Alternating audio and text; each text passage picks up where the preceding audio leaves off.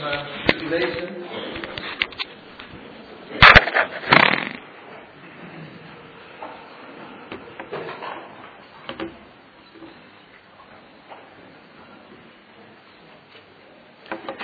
We lezen 1 Johannes 2 vanaf vers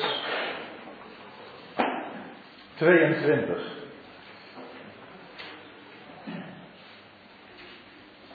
En dan lees ik tot hoofdstuk 3, vers 3. Wie is de leugenaar en hij die logen dat Jezus de Christus is? Deze is de antichrist, die de vader en de zoon logen. Ieder die de zoon logent, heeft ook de vader niet. Wie de zoon beleidt, heeft ook de vader. Wat u betreft, laat wat u van het begin af gehoord hebt in u blijven. Als u blijft wat u van het begin af gehoord hebt, dan zult u ook in de zoon en in de vader blijven. En dit is de belofte die hij ons heeft beloofd, het eeuwige leven. Dit heb u geschreven over hen die u misleiden. En wat u betreft, de zalving die u van hem ontvangen hebt, blijft in u. En u hebt niet nodig dat iemand u leert. Maar zoals zijn zalving u over alles leert. En waar is en geen leugen.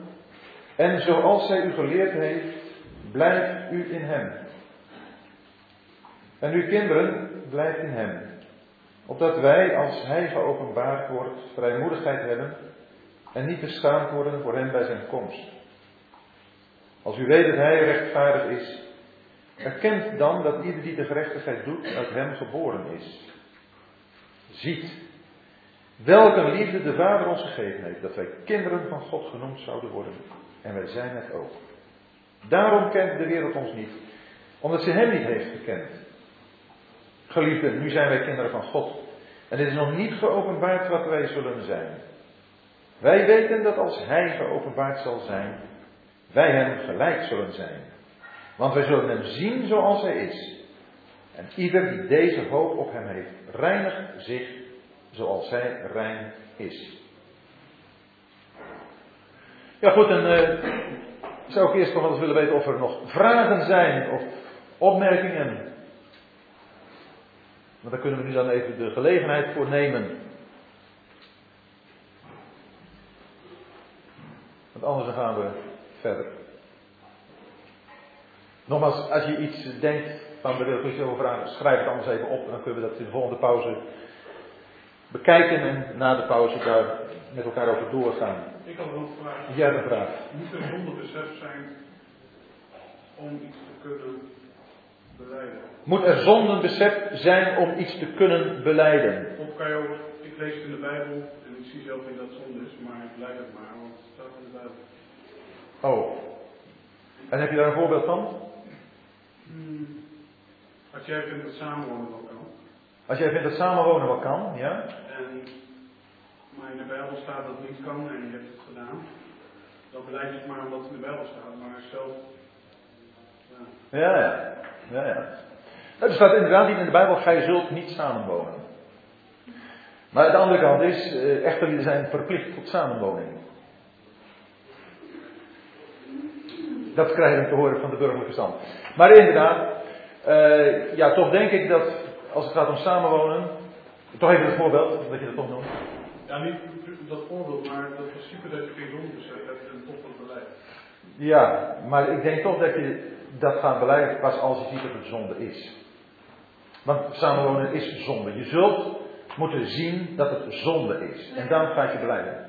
Sorry, ik heb een beter voorbeeld van. Oké. Dat is broer en zus hoor. Dus, uh... Uh, als, je bijvoorbeeld, uh, als er iemand naar de school een broer, een zuster, en die zegt, ja, uh, ik ben het zo eens met wat jij nu doet. Precies ja, maar ik doe dat, uh, omdat de leraar eigenlijk van van mij duidelijk gemaakt heeft. En ik ben ervan overtuigd dat ik dat moeten doen. En die andere die zegt, ja, maar ik vind dat dat eigenlijk uh, niet kan. Oh, ja. Dat lijkt me een beter voorbeeld. Ja, uh, ik, ik, ik niet, maar goed. Nee, uh, hij vindt het zonde en ik, ik, ik ben er gewoon overtuigd dat ik dit moet doen. Ja, daarom denk ik dat ik uit jullie uh, Bijbelverhaal, en dan blijven jullie in goede harmonie als broer en zus met elkaar. Uit jullie Bijbelverhaal dit haal, dat toch beleidenis alleen plaatsvindt als er enig besef van zonde is. Dat moet. Je moet besef van zonde hebben. Je moet besef hebben van het feit dat je je moet bekeren, namelijk. Je bent op een verkeerde weg. Maar je kan niet, omdat die ander er zoveel problemen heeft, zeggen van nou ja, oké. Ja, maar dan kan ik iets laten, maar ik kan het niet als verkeerd beleiden. Je kunt het ten aanzien van een ander misschien niet doen om die ander ter te zijn, maar niet omdat je zelf inziet dat het verkeerd is. Als het verkeerd is, moet je beleiden. Je kunt iets laten terwille van een ander. Maar dat zal dan ook weer duidelijk moeten worden dat je het inderdaad voor die ander doet en je niet gemanipuleerd wordt. Ja. Ja? Dus in, in de zin van beleidenis zal moeten gebeuren van dat wat je ziet als verkeerd. De oproep is bekeer u. Ik moet me dus bekeren van iets wat niet goed is. Ik loop op de verkeerde weg, eh, eh, de verkeerde richting. En ik moet me omdraaien, verkering. Dat is niet alleen voor de zondaar zo, maar dat is ook voor degene die de Heer Jezus kent zo. Daarom staat er in de zeven zendbrieven in openbaring 2 en 3, telkens bekeert u. En dat wordt tot gelovigen gezegd. Gelovigen kunnen een verkeerde weg gaan. En dan moeten ze bekeren. Dat betekent dat ze het verkeerde moeten inzien en beleiden. Jacobus, Jacobus 5, beleidt elkaar de misdaden. En als je een zonde van een dwaalweg terugbrengt. Kijk, het gaat erom dat je echt beleidt. Dat je echt inziet, dit is verkeerd. Dus beleidenis, uh, je, daar, moet zondebesef uh, bij zijn. Dat, dat is onlosmakelijk aan verbonden. Maar dat is dan dus niet het gevoel wat ik op een moment moet hebben dat samenwonen verkeerd is. Maar dat is het feit dat ik leef dat het verkeerd is. En dat maakt dat ik beleid. Nou ja, goed, kijk. Ik zeg, er staat niet, gij zult niet samenwonen. Maar er staat over de levensverbindenis tussen man en vrouw duidelijk in de Bijbel dat God het huwelijk heeft ingesteld. En alles wat er buiten valt, of het nu samenwonen is, eh, of, of, of uh, homoseksuele relaties, of, of wat voor alles nog meer, wat buiten het huwelijk valt, en daar enige vorm van seksualiteit beleefd wordt, is zonde. Hoe je het ook draait of keert. Dat is omdat God een plan, een model heeft neergelegd. En wat daarvan afwijkt, is zonde. Dat kan natuurlijk inderdaad door het slijtageproces wat we kunnen ondergaan in deze maatschappij, door alles wat gangbaar is, eh, een beetje een, een, een, ja, ik noem het dan toch maar een, een hersenspoeling door wordt ondergaan. Maar we zullen ons steeds opnieuw weer op de schrift moeten, moeten oriënteren. Ja? Seks voor het huwelijk is zonde. En iemand die zegt, ja maar luister, ik ben gebrand met, uh, met hem en haar te trouwen. En, uh, ja, die, die, uh, die fabeltjes, die smoesjes ken ik.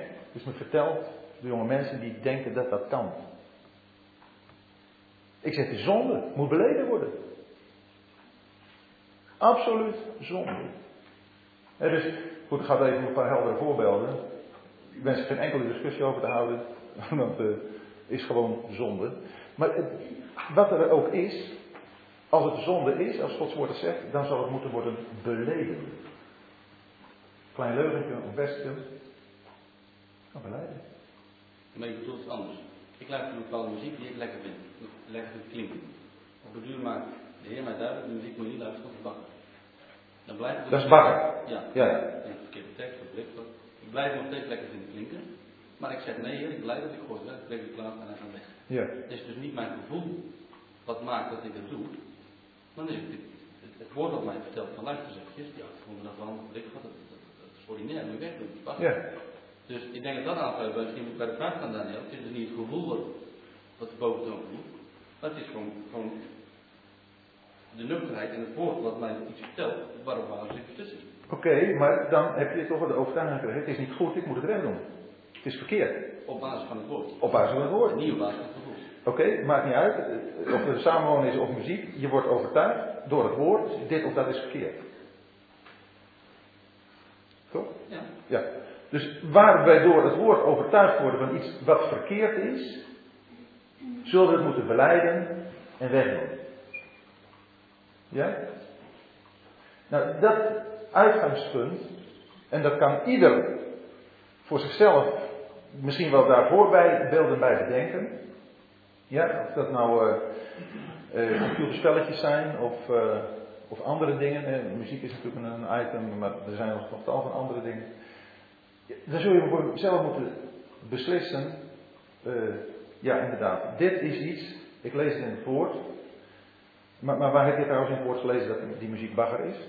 Ja, er staat niet dat Eric Clapton wachtmuziek maakt, maar er staat dat sommige uh, dat bepaalde dingen die ze daar uitleven, of bepaalde levenshouding van artiestengedrag, ook bepaalde uh, sferen of eh, wat dat opheft, of wat met je doet, dat is verkeerd. Dus dan, ja. ja. Maar het aanvulling dan, het is dus zonder besef, is dus, komt dus niet voor uit een zonder gevoel, maar komt voor uit een lezende schuld. Nou, maar het is niet letterlijk dat wij uh, verkeerde artiesten invagen. Nee. Dus dan is het toch wel een beetje de Heilige Geest die erover gaat, dan letterlijk het woord.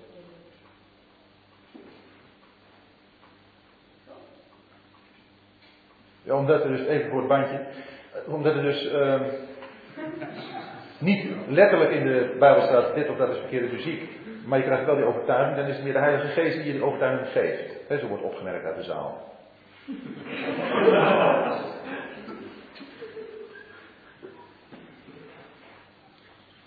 maar woord en geest gaan altijd samen. Dus als de geest duidelijk maakt, is het altijd in overeenstemming met het woord.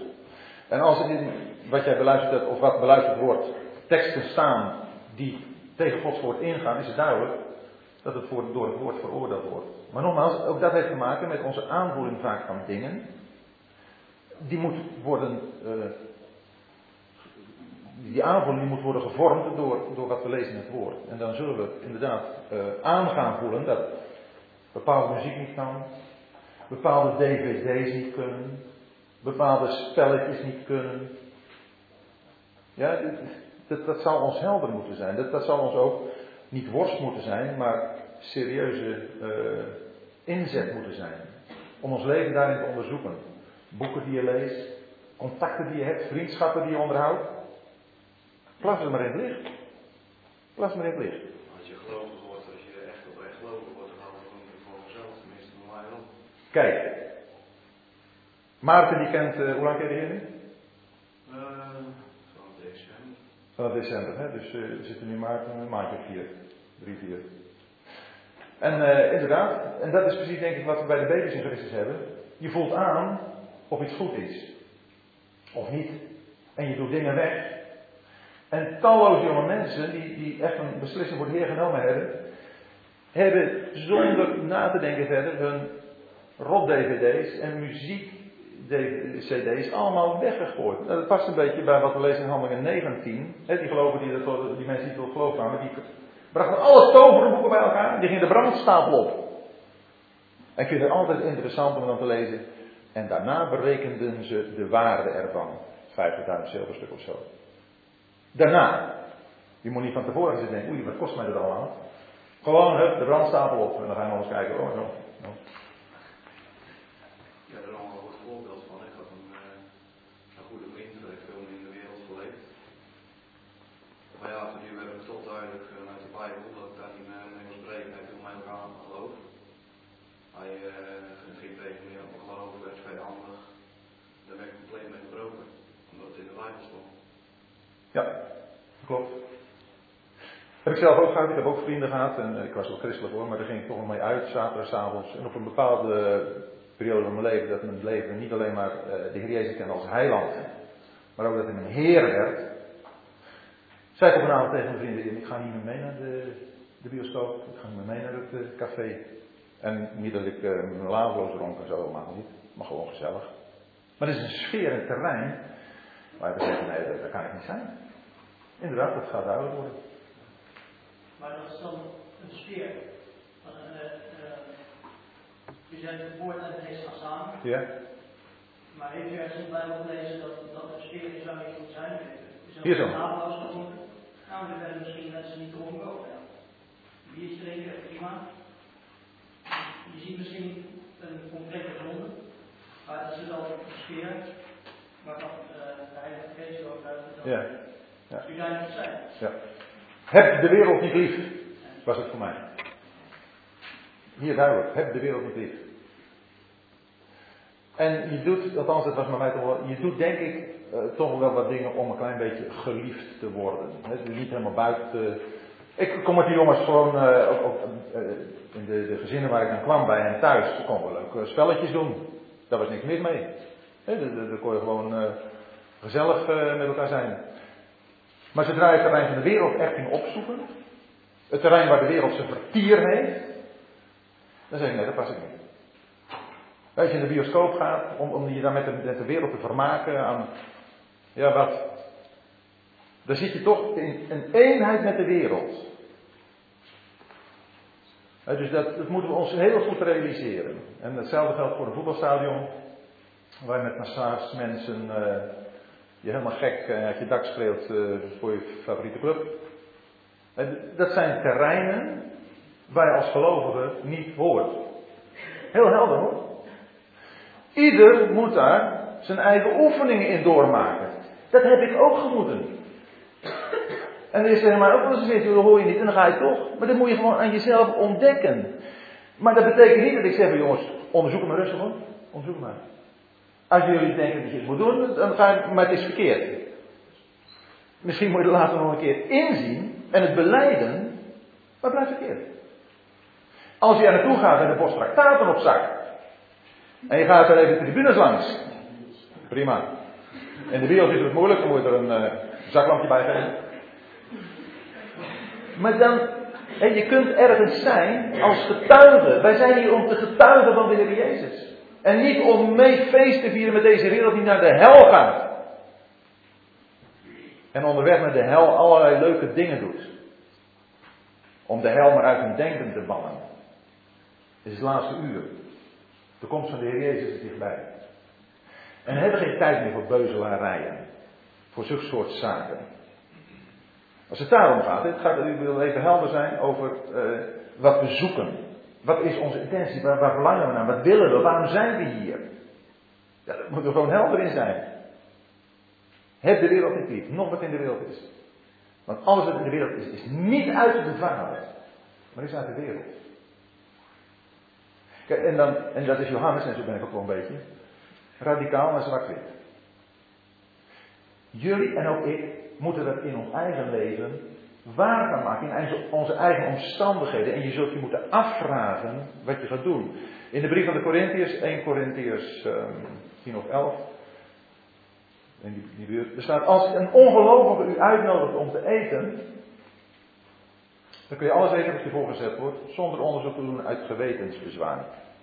Betekent dat nou dat je gewoon maar heerlijk met elke ongelovige feest kan vieren? Natuurlijk niet. Het gaat erom dat als een ongelovige je uitnodigt om te eten, dat je daar kunt zijn om iets van de Heer Jezus door te geven. Daarvoor ben je. Schoolavond, klassenfeest, daarvoor. Ja? Nou ja, goed, heb het maar even benauwd. Vind prima. Moet er veel benauwder krijgen. Ik heb het ook eens benauwd hoor. Ook zeker gehad. Tjonge, jongen. Dat geeft ook niet. Ik hoop dat je het benauwd krijgt. Dat je denkt, het moet eruit. En misschien ga je nog eens een keer op je platte gezicht. Dat is allemaal niet erg. Maar als je verlangen, je motivatie maar is om mensen over de Heer Jezus te vertellen, dan gaat het om. Daarvoor ben je hier. Dat is het enige. Het enige belangrijke. Sta met de Vader, met de wereld van de Vader in verbinding. Daar leef jij in verbinding mee. En je bent nog niet zo'n grote egoïst om dat heerlijk voor jezelf te houden. En verder die jongen leuk allemaal eh, heerlijk eh, mee te gaan en te deinen op, op uh, de wereldse dingen. Een soortje lot. Jongen, jongen, wat een vent is dat. Ja, je kunt op Abraham lijken en je kunt op Lot lijken. Neem het weet. Lot was een rechtvaardig hoor. Lot was een rechtvaardig. Maar je ziet wat die man gedaan heeft. Ongekend. Maar ja, de keuze is jou en aan mij. Waar ga je voor? En Johannes die wil duidelijk maken. Er is maar één leven en dat is Christus. Dat is het eeuwige leven. Dat is waar om te leven. Dat is de wereld van de Vader. Dat is niet saai. Dat is zo buitengewoon uitdagend. En hoe meer je midden in de wereld, in het leven staat, des te meer zul je het ook beleven. Hoe harder die, die, tegenstand zal zijn, des te meer zul jij in vrede en rust kunnen getuigen van wat je in de Heer Jezus hebt. Heb je weer zoiets? Durf op het woord van God te vertrouwen waar de Heer Jezus zegt? Je hoeft niet bang te maken, jongen, wat je moet gaan zeggen. De geest zal het je geven, dat moment. Hey, durf je daarop te gaan staan? Als je ter verantwoording roept? Dat zegt de Heer Jezus. Zullen we op dat soort uitspraken eens gaan staan? En zo voor de Heer leven. In het vertrouwen dat Hij geeft wat we nodig hebben. De woorden die we nodig hebben om te spreken. Die tot getuigenis zullen zijn voor de Vader en de Zoon. En dat brengt me weer een beetje terug hier naar uh, wat Johannes zegt. Ieder die blijkt dat Jezus de Christus is. Dat doen de antichristen namelijk niet. Hier zo staat. Deze is de antichrist die de vader en de zoon logent.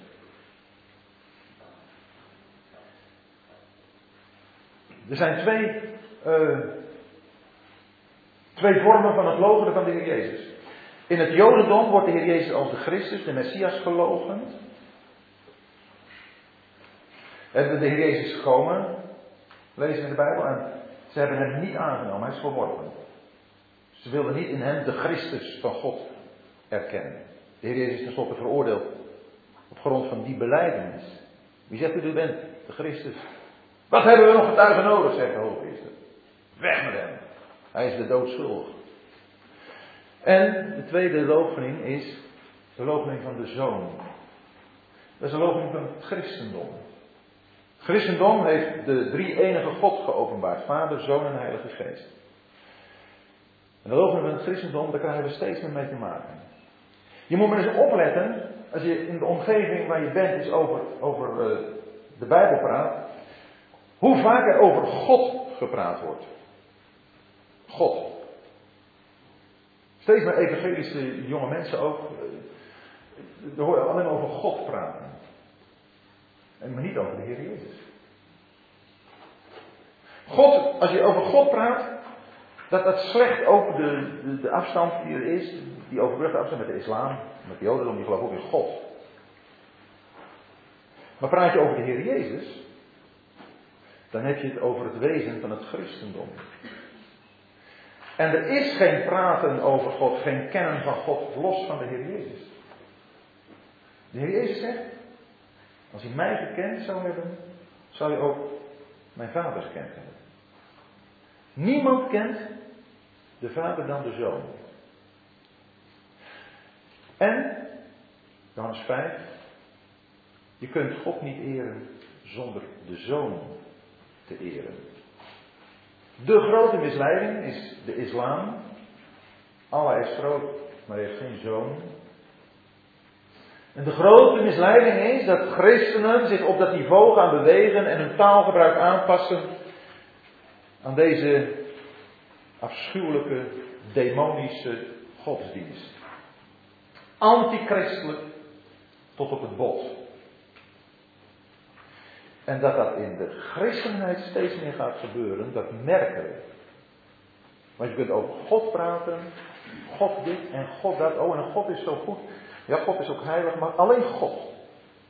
En de zoon, daar wordt niet meer over gesproken. Die verdwijnt uit beeld. En die is bepalend voor ons geloof. En de antichrist is erop uit de vader en de zoon te logenen in hun verhouding tot elkaar. De drie enige God, Vader, Zoon en Heilige Geest. Jongelui, dit is wat wij moeten vasthouden. Want dit is wat op het spel staat. Dit is wat de duivel ons wil ontroven. En dat doet hij natuurlijk heel listig, heel geniepig. Niemand van ons die zal ineens zomaar niet meer over de Heer Jezus praten. Een poosje blijft nog wel in je gedachten. Als je over God praat, dat het natuurlijk ook over de Heer Jezus gaat. Maar spreek altijd over de Heer Jezus. En de mensen zullen dat in elk geval niet heel plezierig vinden. Ja, God, daar kun je over praten. Maar niet de Heer Jezus. En dat is waartoe wij geroepen zijn. De Heer zegt, jullie zullen mijn getuigen zijn. Mijn getuigen. En zijn we er nog? Getuigen van de Heer Jezus. Daar gaat het om. Vertellen van hem die naar de aarde wilde komen en op het kruis wilde sterven. Die is opgestaan en die in de hemel is en terugkomt. Hij is het centrum van al Gods gedachten, van al Gods plannen, van het heelal. En is het niet geweldig om die al in je hart te hebben? En dat te mogen delen, dat uit te delen, dat uit te stralen, dat aan, aan te bieden. Ja, dit is waar het om gaat hoor. En dat hebben we nodig om daar weer aan herinnerd te worden. En dat is wat Johannes aan zijn kinderen, zijn geestelijke kinderen schrijft. Ieder, zegt vers 23, wie de zoon lopend heeft ook de vader niet. Wie de zoon beleidt, heeft ook de vader. Dat is toch mooi? Als je de zoon beleidt. Hè, Petrus heeft het gedaan. Wie zegt u dat ik ben? En die vraag die komt tot jullie, nu. Als je nu eens voor jezelf zou moeten opschrijven van de Heer wie zeg jij dat ik ben? Je hoeft niet direct op te schrijven, maar het gaat er nou, denk je dan? Als, als je nou, die vraag komt nu. Wie zeggen jullie dat, dat ik ben, zegt de Heer Jezus? Wie zeg jij? Denk er heel over na.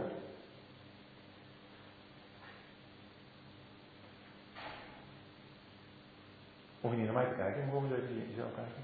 Gewoon eens even naar jullie kijken.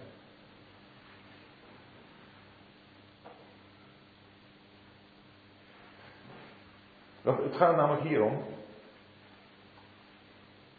Er is een, uh, een uitspraak, ergens in Matthäus 22.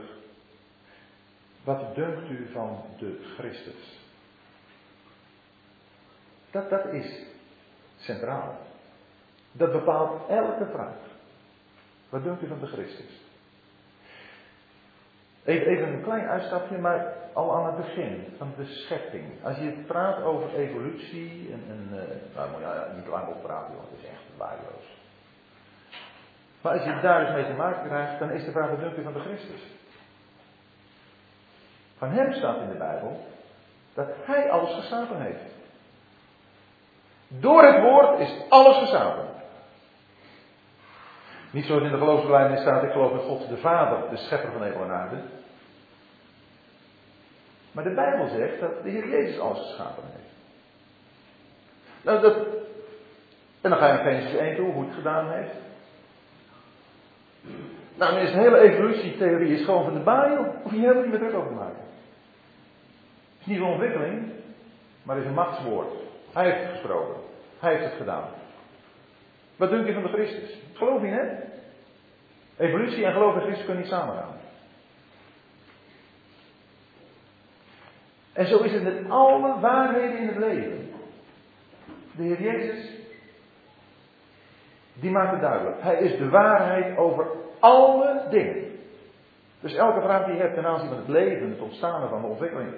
En ook het doel ervan, het is Christus.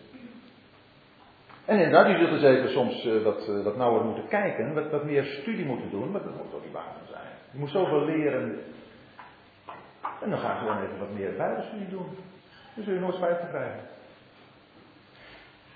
Dit is bepalend, wat denkt u van de Christus. Wie de Vader heeft, wie de Zoon heeft, die heeft de Vader. Nou, en zo zegt Johannes, dat moet in je blijven. Vers 24. Wat u betreft, laat wat u van het begin af gehoord hebt in u blijven. Laat het nou in je blijven, jongelui. Wat je van het begin af gehoord hebt. Wat je aanvaard hebt in Christus, wat je in Hem gezien hebt, gevonden hebt. Hij is je leven. Laat dat in je blijven. Laat het je niet ontnemen door allerlei fraaie, misleidende redeneringen. Maar dan word je ongelukkig. En dan word je ongeschikt om te getuigen. Dan word je ook ongeschikt om tot eer van de Vader te leven. Als in u blijft wat u van het begin af gehoord hebt, dan zult u ook in de zonen en in de vaders blijven. Hier vind je een wisselwerking. Dat wat je van de waarheid hebt ontvangen, en je hebt de hele waarheid ontvangen. Ik zeg niet dat je de hele waarheid kent, maar wat je in Christus ontvangen hebt, dat is alles. Nou laat dat zijn verblijf in je hebben. Zijn uitwerking in je krijgen. Niet, niet dat moet je krampachtig vasthouden. Nee, het is er. Houd het er. En laat het niet door valse invloeden van jou afnemen wat betreft de beleving ervan. Laat het in je blijven. En zo blijf jij ook in de zoon en in de vader. Ik heb uh, de eerste keer ook al gezegd, Johannes is in zijn taalgebruik heel simpel. Hij gebruikt helemaal geen moeilijke woorden. Hij heeft een hele beperkte woordenschat. Maar wat hij zegt is ongelooflijk diepgaand. En toch ook weer heel eenvoudig. Want als je in je het verblijf laat hebben wat het eeuwige leven is, wat de Heer Jezus is, dan blijf jij ook in de Zoon en in de Vader. Dan is die gemeenschap er. En voel je wat ik aan het begin zei? Johannes stelt het voor in zijn volle 100% waarheid. Zonder rekening te houden met allerlei invloeden die het besef bij ons ervan vertroebelen. Maar het gaat niet om hoe we het ervaren. Oh, dat moet ook komen. Maar het gaat erom hoe het is. Hebben we het te pakken? Hoe het is. Hoe het feit is. En je gaat misschien gelijk weer vanuit je eigen uh, beleving praten. En zegt met Johannes, dat is hier even niet aan de orde. Het gaat erom, heb je het? Dan ben je erin en ben je ook in de zoon en in de vader.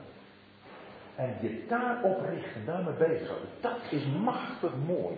Dat geeft je leven zijn ware betekenis en kracht. En dan, en dit is de belofte die hij ons heeft beloofd, het eeuwige leven. Komt er nu ineens een belofte bij? Wel, dat is om ons te bemoedigen. Want het is niet een belofte van uh, dat dat komt nog, maar het is een belofte die hij ons al heeft gegeven. Dat is niet uh, de belofte als toezegging, maar de belofte als inlossing. Ik heb al aangehaald in Johannes 3, vers 16. Want zo lief heeft God de wereld gehad, dat hij zijn enige geboren zoon gegeven heeft, opdat een ieder die in hem gelooft, niet verloren gaat, maar eeuwig leven heeft. Dat betekent dus, hij belooft het eeuwige leven aan wie gelooft. Ja? Denken jullie dat God iets belooft en het niet doet? Ja, ik denk, je zult God toch nooit op een leugen kunnen betrappen. Dus als hij het eeuwige leven belooft, wanneer je gelooft, dan kun je dus zeggen, als ik geloof, heb ik het eeuwige leven. Dat staat niet op zo simpel, of lees ik het niet goed? Wie vindt dat hij het anders moet lezen? Gelukkig. Het is niet anders te lezen. Ja, je, kunt, je mag wel anders lezen, maar het is niet anders uit te leggen. Want de belofte is door God gegeven dat als je gelooft, die eeuwig leven krijgt. En ieder die hier is en gelooft heeft, mag weten het eeuwige leven te bezitten. En dat is machtig mooi. Daar krijgen we nog even een, een, een spontane uiting van Johannes. Zie welke liefde de Vader ons gegeven heeft. Maar dit zou ons ook meer in beweging innerlijk in beweging moeten, moeten brengen. Echt een, ja, een emotie van dankbaarheid, van vreugde moeten opbrengen. Het eeuwige leven te hebben, een belofte te hebben gekregen, de inlossing ervan, van dat geweldige wat de Heer Jezus is. Het is werkelijk indrukwekkend. Dit is de belofte die hij ons gegeven heeft. Het eeuwige leven.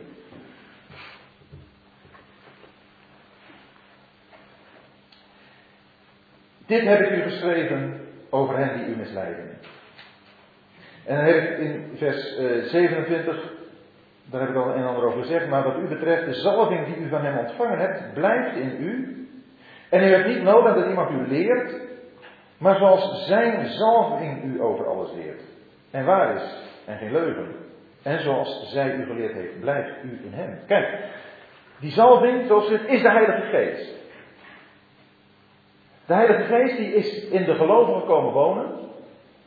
En hij onderwijst. En, en hij, doet, hè, hij doet aanvoelen wat goed is en wat niet goed is. En dan gaat het om die misleiders. Om degenen die erop uit zijn om jouw geloof te torpederen. Om het weg te nemen. Je vreugde, je blijdschap. In de Heer. En dat wat je ontvangen hebt in het eeuwige leven. Door er iets aan toe te voegen. Door je willen te laten geloven dat, dat er nog meer is. Dat je je uit moet strekken naar meer. Alsof niet de Bijbel alleen het woord van God is. Maar er nog zoveel andere mooie boeken zijn die je ook nodig hebt om Gods woord te leren kennen. Die ander licht erop werpen. Zoals gezegd gaat het niet om boeken die, die de Bijbel verklaren. Maar die boeken die aanvullend zijn op de Bijbel. Die zijn er. Die beweren dat de Bijbel een aardig begin is, maar die er een aanvulling op suggereren te geven. Geloof het niet. Het is met het onderwijs van Gods woord, ook wat jullie vandaag horen, hetzelfde als met boeken die er overgeschreven worden over de Bijbel. Dat het onderwijs, of het nu gesproken vorm of geschreven vorm is, ertoe moet dienen dat dit woord van God dichterbij komt. Dat je het beter gaat begrijpen. Dat het woord van God meer in jouw leven zijn plaats krijgt. In je hart komt wonen. komt wonen. En Colossus 3 vers 16 eh, zegt het zo mooi. Dat laat het woord van Christus rijkelijk in u wonen. Ja, dat is echt iets heel moois. Dat het zijn woonplaats bij heeft, zijn rustplaats bij je vindt. Dit woord. Nou, en door de Heilige Geest zal dat ook bij je blijven. En zul je wat er op je afkomt en wat afbreuk daaraan wil doen, niet opbouwt, maar wat er afbreuk aan wil doen, kun je daarmee zo naar de prullenbak verwijzen. Weg ermee. Het is die zalving, Gods geest, die ons hierover leert. En dat is ook bij jullie het geval. En zegt uh, Johannes nu verder, en nu kinderen, blijft in hem, opdat wij, opdat hij, opdat wij als hij geopenbaard wordt, vrijmoedigheid hebben en niet beschaamd worden voor hem bij zijn komst. Wel, dit is een aansporing van Johannes aan zijn geestelijke kinderen. En goed, ik, ik ga er een klein beetje zo uh, ook naar jullie toe dat, dat zeggen van jongelui, blijf daarin. Blijf in de Heer Jezus. Heb je vastigheid in Hem. Probeer niet buiten Hem iets te krijgen, iets te vinden wat je voldoening geeft in je leven. Maar alleen in Hem. En Johannes zegt, ik, ik zeg dat tegen jullie nog een keer. Zo zegt Johannes het tegen zijn kinderen. Want als jullie dat niet doen en de Heer Jezus komt, ook om mijn werk te beoordelen, en dat zijn jullie. En, en, jullie kijken niet naar hem uit, jullie leven niet voor hem, het is bij jullie niet meer waar. Dan ben ik beschaamd. Want dan lijkt het wel alsof ik jullie verkeerde dingen heb verteld. Maar het geldt ook voor jullie. Dat als jullie niet uitkijken naar zijn komst, dan heb je geen vrijmoedigheid voor hem als hij komt. Dan moet je beschaamd je over neerslaan. Dan moet je zeggen, ja, ik heb toch niet zo geleefd. Ik ben er niet zo mee bezig geweest. Ik heb het allemaal gehoord. Ik heb het ook nog wel erkend. Maar in mijn leven heeft het geen betekenis gehad.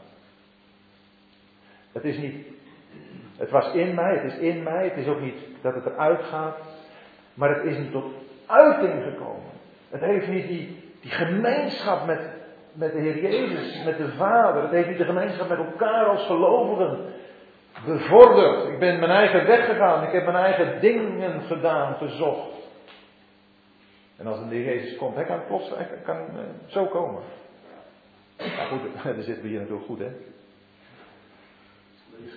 Geweldig, hè? Zeg, dan is het leeg hier zo. Dan is hij leeg. Hè, want iedereen gaat nog mee. Ik kan me niet voorstellen dat er iemand is die hier blijft zitten.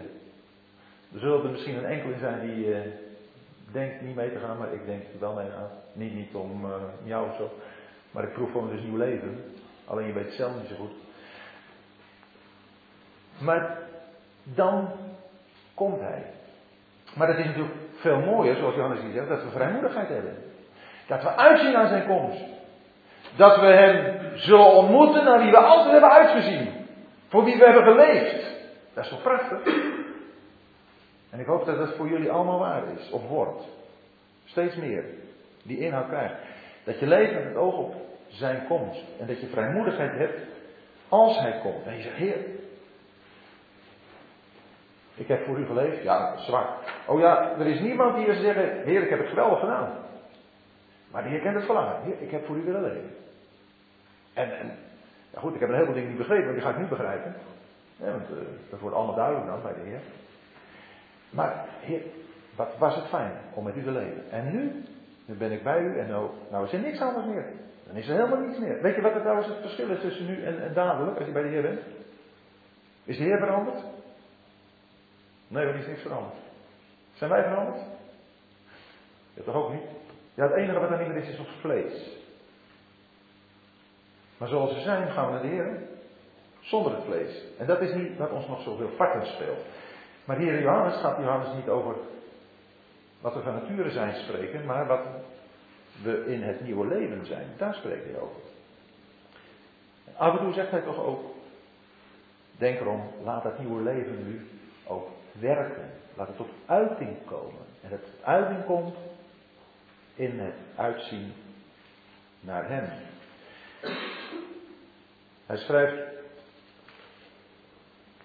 daarbij, als u weet dat Hij rechtvaardig is, erken dan dat ieder die de gerechtigheid doet uit Hem geboren is.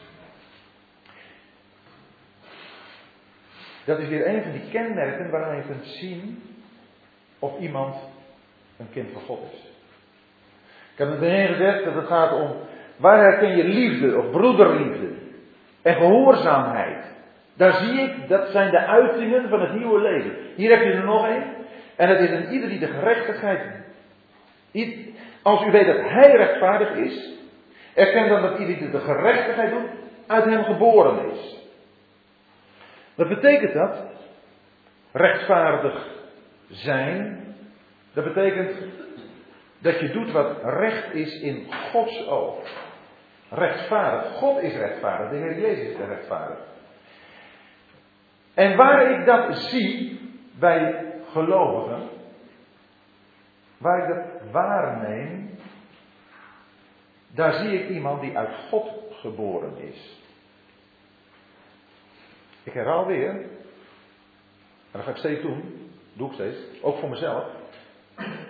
Het gaat er niet om of iemand altijd alleen maar doet wat rechtvaardig is. Het gaat erom of ik dat bij iemand waarneem dat het aanwezig is. En natuurlijk komt dat ook tot uiting. Maar het komt niet altijd volkomen 100% tot uiting.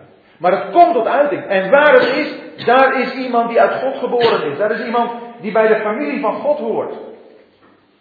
En waarom is het zo? Omdat die rechtvaardigheid die hij of zij doet, dat is hetzelfde rechtvaardigheid die bij de Heer Jezus is. Hij is rechtvaardig. En als hij rechtvaardig is, en ik zie dat bij mensen om me heen, dan zie ik dus hem. Dus zie ik iemand die uit God geboren is. En weer komt dat naar boven. Ja, maar ik ben toch niet altijd rechtvaardig. Ik doe toch niet altijd rechtvaardig. Nee, dat klopt. Maar het gaat niet om de mate, maar het gaat om het feit. Ja, twee woordjes. Niet de mate, maar het feit. Waar ik iemand zie die rechtvaardig leeft, die de rechtvaardigheid als zijn levenspraktijk heeft, daar zie ik wat de Heer Jezus is, wie de Heer Jezus is, want Hij is rechtvaardig. En dat zijn niet de normen van rechtvaardigheid die wij vinden dat rechtvaardig is, maar dat kunnen wel heel andere normen zijn. Bijvoorbeeld, ik ga toch een eh, voor mij heel herkenbaar voorbeeld noemen, twee voorbeelden uit de brief van Jacobus. Waar bleek de gerechtigheid van, van, van Abraham uit? Waardoor werd hij voor een rechtvaardige verklaard? Notabene door het offeren van zijn zoon Isaac. Wij zouden zeggen, kindermoord. Waar blijkt de rechtvaardigheid van Raagap, de hoer, uit? Dat is de verspiedersopnam van Israël. Landverraad, zouden wij zeggen. Twee uitingen van rechtvaardigheid waaruit blijkt, dit zijn mensen die bij God horen. Maar op een manier die in de wereld totaal verwerpelijk geacht wordt. Maar ze handelen op grond van geloof. En ze doen rechtvaardige daden. En zo kunnen ook in ons leven rechtvaardige daden gevonden worden, die van, door de wereld worden gezien als misschien wel ja, landverraad of, of moord. Maar als het gebeurt als een uiting van het nieuwe leven, dan is het bewijs dat iemand bij de kinderen van God hoort. Dus wij moeten ons niet richten naar wat in de wereld norm is, maar dat wat de Heer Jezus is. Hij is de rechtvaardige. En dat is ook voor ons heel belangrijk om ons daarnaar te richten. En waar dat gezien wordt, daar zie ik het nieuwe leven. En daar weet ik mij verbonden mee in de familie van God. En toen was het half drie. Dan uh, stel ik voor dat we drie uur verder gaan. Half uurtje pauze. Ik nog een keer, als jullie vragen hebben, jongens, ik schrijf even nog, hè, even, even vragen opschrijven.